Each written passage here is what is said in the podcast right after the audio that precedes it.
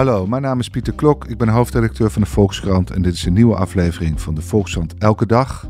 De dagelijkse podcast waarin we de achtergronden bij het nieuws bespreken en vooral proberen te schetsen hoe de wereld op tal van terreinen onder onze ogen aan het veranderen is.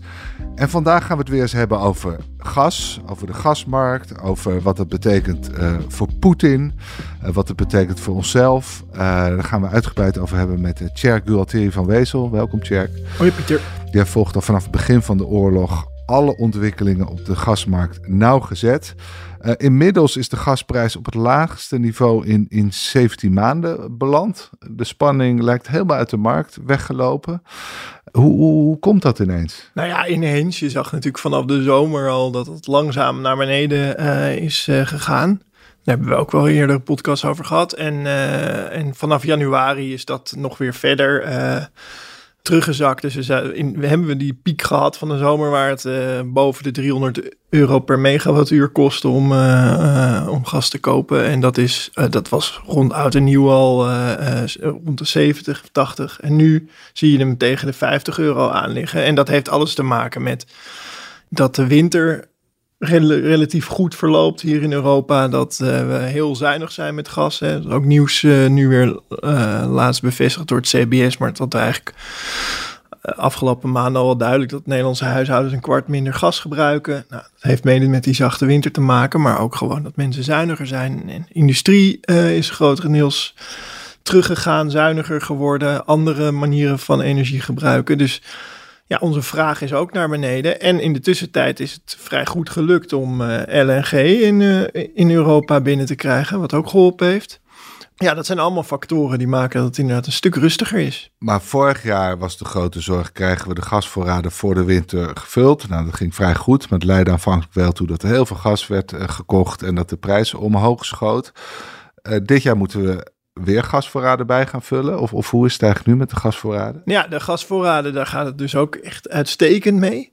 We hebben hele milde uh, wintermaanden gehad. Wat voor mij als schaatser natuurlijk wel verdrietig is. Maar uh, verder goed nieuws voor uh, de gasvoorraden. Die zitten nu rond 65 procent voor de heel, heel Europa. Nederland zit er iets lager, maar bijvoorbeeld Duitsland, wat natuurlijk het meest problematische land was, zit op 72 procent. En uh, EU had zelf een beetje van die doelen gesteld van waar mag het zitten? Wat voor vulgraden moeten we halen deze winter? En dan zaten ze per 1 februari op 45 procent. Dat, dat moest toch minimaal wel gehaald worden. Ja, zitten ze dus heel ver boven. boven. Ja, en de vooruitzichten zijn dus dat je dus in de komende maanden veel minder gas hoeft te kopen ook dan je uh, anders uh, ja. had moeten doen.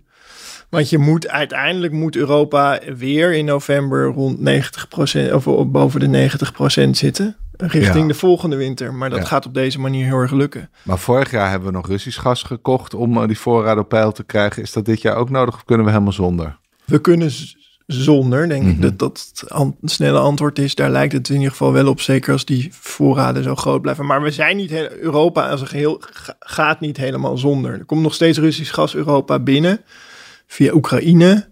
En ook een deel uh, via Turkije, de Turkstream. Mm -hmm. Maar dat gaat voor een heel groot gedeelte. Met name die Turkstream, daar wordt echt wel van verwacht dat het blijft gewoon komen. Want dat is gas dat gaat naar Servië. Nou, weten we, dat is allemaal gewoon een soort van vriendendeal van Poetin om uh, de Serven dicht bij zich te houden naar Hongarije en naar Bulgarije. En dat zijn allemaal een beetje vergelijkbare verhalen. Dus lange termijn contracten uh, tegen relatief gunstige prijzen voor die landen. En er lijkt niet echt een reden waarom Poetin dat snel zou willen terug. Maar het gaat niet meer naar Duitsland, Nederland. Dat, nee, ook, want, niet, ook niet via een omweg. Nee, de Nord Stream ligt er natuurlijk helemaal uit. Ja.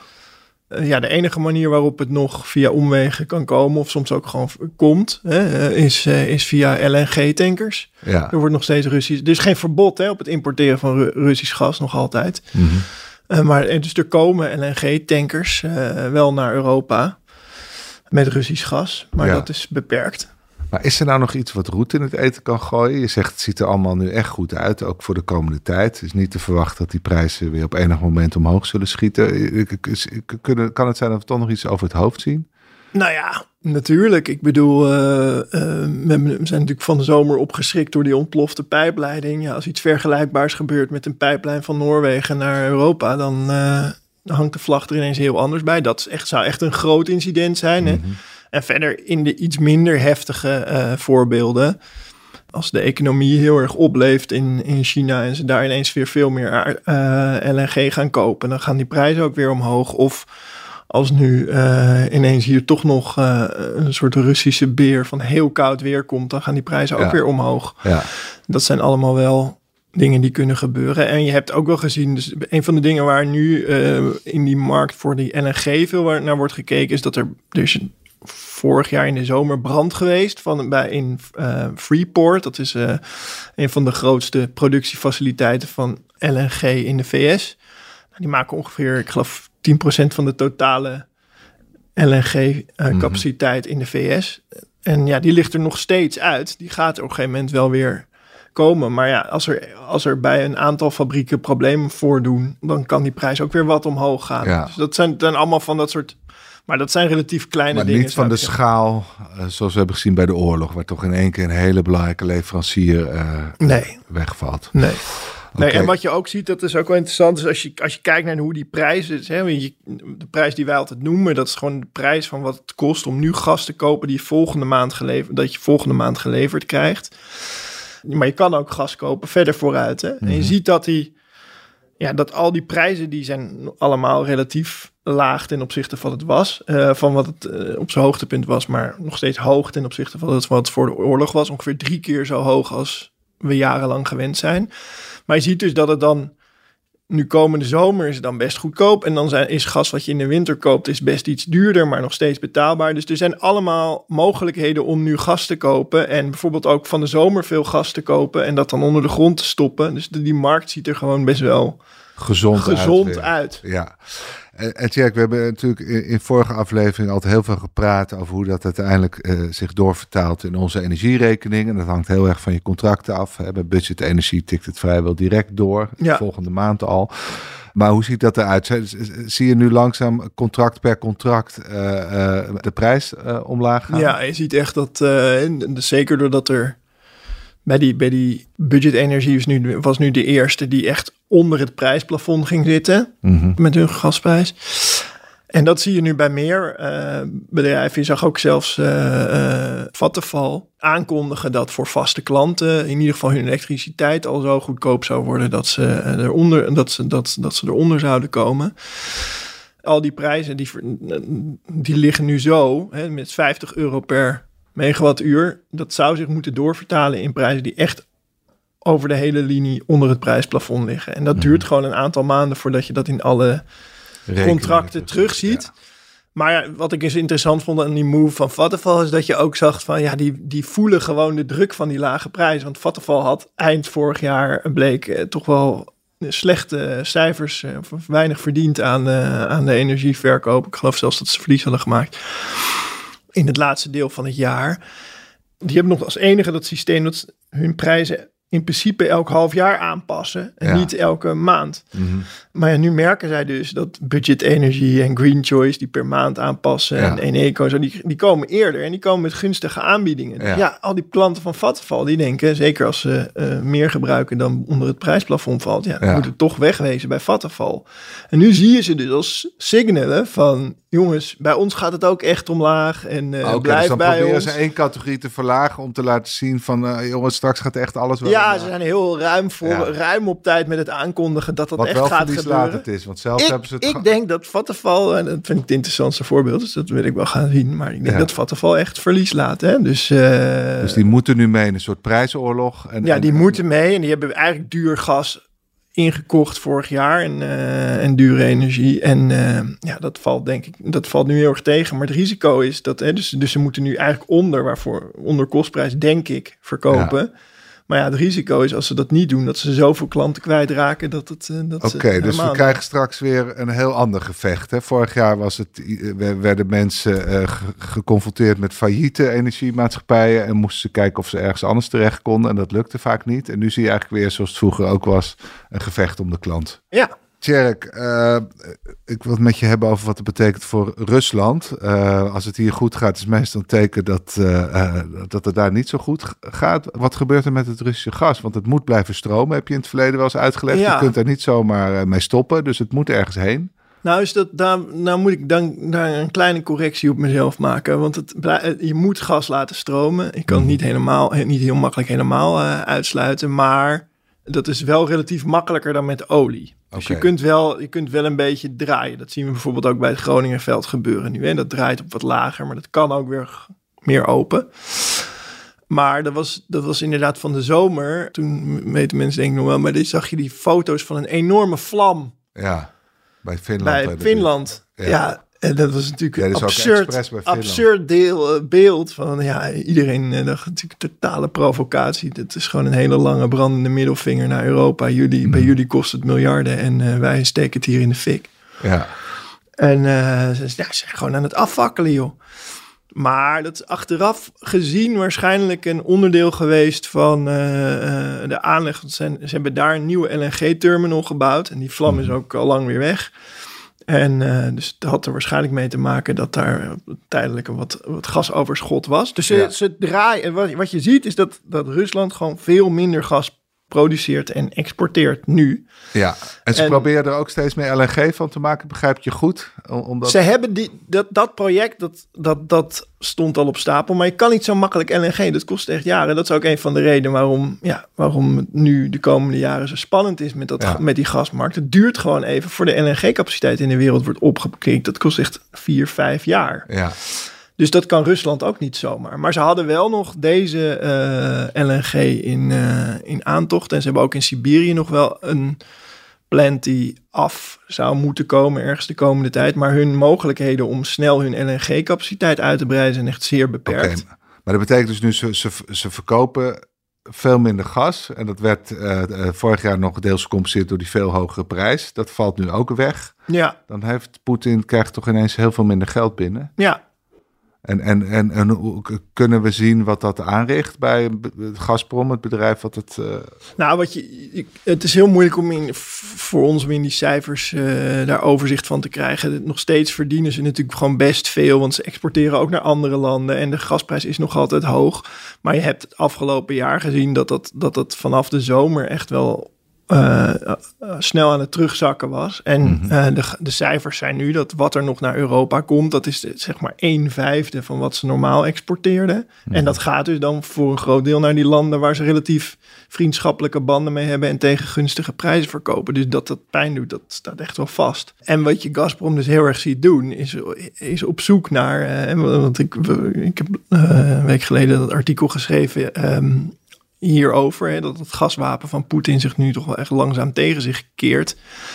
En Gazprom had dus, heeft dus een heel fijn Telegram-kanaal, wat ik altijd volg, waarin je de baas eh, Alexei Miller in de meest interessante omgevingen elke keer weer gefotografeerd ziet. Ja, die zie je nu steeds in allemaal onderhandelingstafels met Ja. eh Kazachen en Azeri en eh, Turkmenen en weet ik veel. En heel erg veel Chinezen ook omdat zij echt op zoek zijn naar, nieuw, naar, naar nieuwe gascontracten. Om dat gas eh, af maar te dat zijn allemaal plekken waar misschien geen pijpleidingen naartoe lopen. Dus dan moet je dat weer wel met LNG eh eerst Nee, ze, daar willen ze echt pijpleidingen leggen. En eh, daar hebben ze echt eh, haast bij. Zitten echt in een slechte positie. Want de algemene verwa- verwachting is dus dat over drie jaar is het al eh, opgelost met uitbreiding van LNG-capaciteit in de wereld. Dus zij, zij hebben eigenlijk haast om met die landen nieuwe exportmarkten voor elkaar te krijgen. Want dan kan het gas echt overal vandaan komen. Hebben we Rusland niet meer nodig als, als de rest van de wereld die LNG-capaciteit op orde heeft. Ja, dan, is de prijs, dan wordt, de wereld, dan wordt de prijs ook lager. En Ja. dan, is, ja, dan is het gewoon heel moeilijk om dat, om dat allemaal rendabel te krijgen.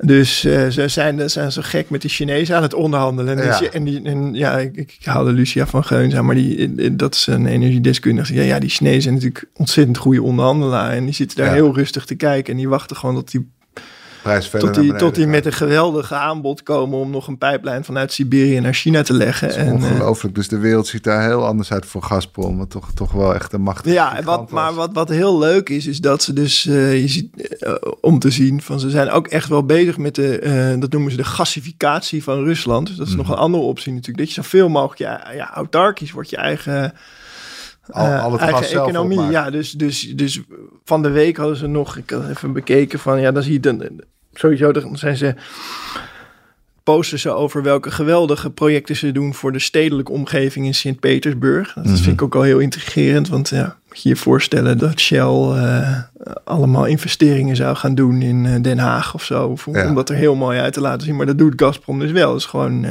helemaal betrokken bij het aanleggen van enorme ijsbanen en weet ik veel wat. Maar goed, dat is meer hun PR. Ja. Ze hebben ook best veel geld, dus dat kan wel. Maar dan zijn ze dus ook bezig om weer allemaal nieuwe tankstations voor aardgas aan te leggen. Dus ze proberen echt om hun bussen en uh, steeds meer vervoer op aardgas te laten rijden. Mm -hmm. Dus dat is een van dat de manieren. Gazprom gaat er zelf in voorop. Dus, uh, die, die leggen die tankstations aan. IJsbaan ja. gebruikt lekker veel gas. Uh, we gaan gewoon zoveel mogelijk dingen. Ja, ze, ja en ik, ik ben, ik, ik ben zelf nooit in Rusland geweest, maar ja, dat deden ze altijd al. Dat het dus gewoon inderdaad het gas in Rusland gewoon echt spotgoedkoop. Er gaan, ze uh, heel makkelijk mee om. Dus je ja. hebt allemaal in, zeker in, in, het hoge noorden, allemaal van die hele warme uh, gebouwen waar uh, die dan de hele tijd de verwarming op 24 staat. En als je ja. dat te, te, warm vindt, dan zet je maar een raam open. Dus wij zijn en dat veel zuiniger ze... geworden en daar hebben ze juist belang bij om de ja. thermostaat zo hoog mogelijk... Nou ja, daar, daar kunnen ze het gewoon... Ja, ze hebben het gewoon zoveel. Dus ze kunnen het gewoon verstoken waar ze willen. En dat lees je dan ook, dat ze de hele tijd allemaal ver afgelegen nederzettingen. Ik, van uh, de laatste die ik zo kon, kon vinden was in Bezirkostan. Ergens een regio uh, bij tussen de Oeral en de Wolga. Uh, vier keer zo groot als Nederland ongeveer. Ja. En uh, 4 miljoen inwoners. En gaan, hebben ze dan allemaal nederzettingen op pijpleidingen aangesloten. En, daar, daar, daar berichten ze ook allemaal trots ja, over. trots dus, over, ja. Oké, okay. maar de wereld ziet er dus totaal anders uit. Hebben we zicht op wat voor, ik, ja, hoeveel pijn dit Poetin doet? Op zijn rijksbegroting of, of, of alle ja, plannen nee. die hij had? Ik, ik, ik heb me hier dus nog niet helemaal. Wij zijn er wel wat mee bezig. Ja. Ik heb me hier nog niet helemaal in uh, verdiept. Maar het is wel duidelijk dat, dat hij daar last van heeft. Hè. Dus, uh, hij is in ieder geval in een soort strijd met de centrale bank om de rente te verlagen. Mm -hmm. Hij heeft echt wel natuurlijk hier last van. Ja. Maar ik denk dat het belangrijkste eigenlijk is dat hij. Het is niet zo dat wij allemaal van alles af zijn en hij helemaal niks meer heeft en weet ik wat. Maar, maar het punt is natuurlijk gewoon heel erg dat hij afgelopen zomer dat gaswapen zo inzetten om de Europese economie te ontwrichten. Mm -hmm. En dat is echt veel sneller dan, uh, dan wij hier hadden voorzien. En ik, waarschijnlijk toch ook dan hij had voorzien. Totaal in zijn gezicht uh, ontploft. Want uh, ja, we nemen het nu gewoon niet meer af. Bijna. Nee, nee. En uh, dat, daar zit denk ik zijn grootste, uh, ja, zijn grootste pijn. Onze economie moment. ontwrichten met die hoge gasprijs, de samenleving ontwrichten met de hoge vluchtelingenstroom. En dat is eigenlijk beide vooralsnog eh, totaal niet uitgekomen. Ja, nou ja, nee, maar zeker van de vluchtelingenstroom weet ik het nog niet precies. Maar dat, nee, daar blijft natuurlijk Ja. ook wel... eh, En- en dat- voor gas geldt dat zeker. Want er is ook nog een olieboycott overheen gekomen. Die volgens Ja. mij is dat nu ook, eh, die is afgerond toch? Er komt geen Russische olie meer deze kant op. Nee, eh, niet naar Europa, althans niet direct. Hè. Ja, daar zie je gewoon dat eh, stromen van de olie... Rusland produceert wel wat minder, exporteert minder... maar de stromen van de olie zijn eigenlijk vooral verlegd.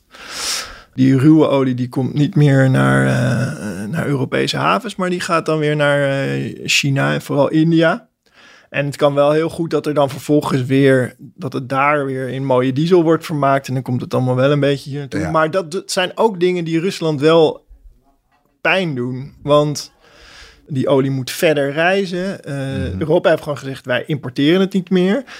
En vervolgens hebben ze ook nog een, via de verzekeringen eh, van het transport van olie, hebben ze het ook nog heel moeilijk gemaakt voor andere landen om eh, het te importeren. Dus dat mag alleen met een Europese verzekering vervoerd worden als Mhm. de prijs onder de 60 dollar ligt. Ja, En dat is een, eh, ook een ingewikkelde maatregel voor Rusland. Ja. Het schijnt dat ze nu ook veel zelf maar oude tankers aan het opkopen zijn. Waar je natuurlijk ook je hart vasthoudt. Of er daar niet eens een keertje eentje... Dat Gaat het niet een nieuwe olieramp gaat veroorzaken. Maar ze, ja, ze moeten dus allemaal kunst weer een vliegwerk uithalen om, dat, om die energie weg te krijgen. Het is toch onge- ja, ik vind het toch een ongelofelijke omwenteling in een jaar. Dat, dat eh, Ja, Rusland vind, zichzelf op deze manier Zeker. vooral zelf in de vingers heeft gesneden. Of, nou ja, ze doen ons ook nog steeds wel pijn. Hè? Dat, dat, ik bedoel, in die zin is het niet zo van alsof er niks aan de, ho- de hoge energieprijzen. Ze, ze zijn nog steeds best hoog. Maar Ja. dat kanaal van Telegram waar we nu de hele tijd al die uh, en andere nederzettingen uh, gegasificeerd zien worden. Dat was gewoon een half jaar geleden het kanaal waar de hele gaswereld elke dag naar keek. Om, en dan het hoogtepunt, of dieptepunt, is maar hoe je het wil zien, was dat er ergens een plasje olie op een, uh, op een uh, grote uh, compressor lag. En toen ja. zeiden ze, ja, Nord Stream ligt eruit. Nou, terwijl oh, mensen dat zeiden, ja, als de dood. Dat, dat, ja, en dan ging de gasprijs weer met 20, 30 euro omhoog, omdat er, omdat er één berichtje stond op dat Telegram-kanaal. En datzelfde Telegram-kanaal is in die zin dus gewoon, ja, daar zit je naar een heel ander spel te kijken nu. Ja, nou ja. Dus dat is wel, vond ik wel een mooie, ja Mooi omwenteling. Ongelooflijk. En, en uh, jij je, volgens mij was eerder gepleit, of althans erop gewezen, dat die hoge uh, gasprijs niet alleen maar slecht nieuws is, hè, want het zet aan tot zuinigheid. Nou, dat hebben we dus ook gezien. Ja. Dat was toch vrij indrukwekkend, die, die, die verbruikscijfers. Ja. Dat, die zoveel lager liggen. Zeker. Zeker. En het is, uh, ja, het, is, het is ook gewoon, het is natuurlijk inderdaad ook bijvoorbeeld voor duurzame energie. dat merken alle zonnepanelenbezitters ja. nu ineens veel lucratiever geworden om dat zelf uh, op te wekken. Of om uh, al die businessmodellen. Iedereen die daarmee bezig is, die heeft nu goed verdiend. En dat is oh, ja. ook nog goed nieuws voor de energietransitie. Zeker. Uh, Tjerk, dank voor je heldere uitleg. En u luisteraar, dank voor het luisteren naar deze aflevering van de Volkskrant Elke Dag. morgen is er weer een politieke aflevering. presentatie als altijd in handen van Gijs Groenteman. Graag tot dan.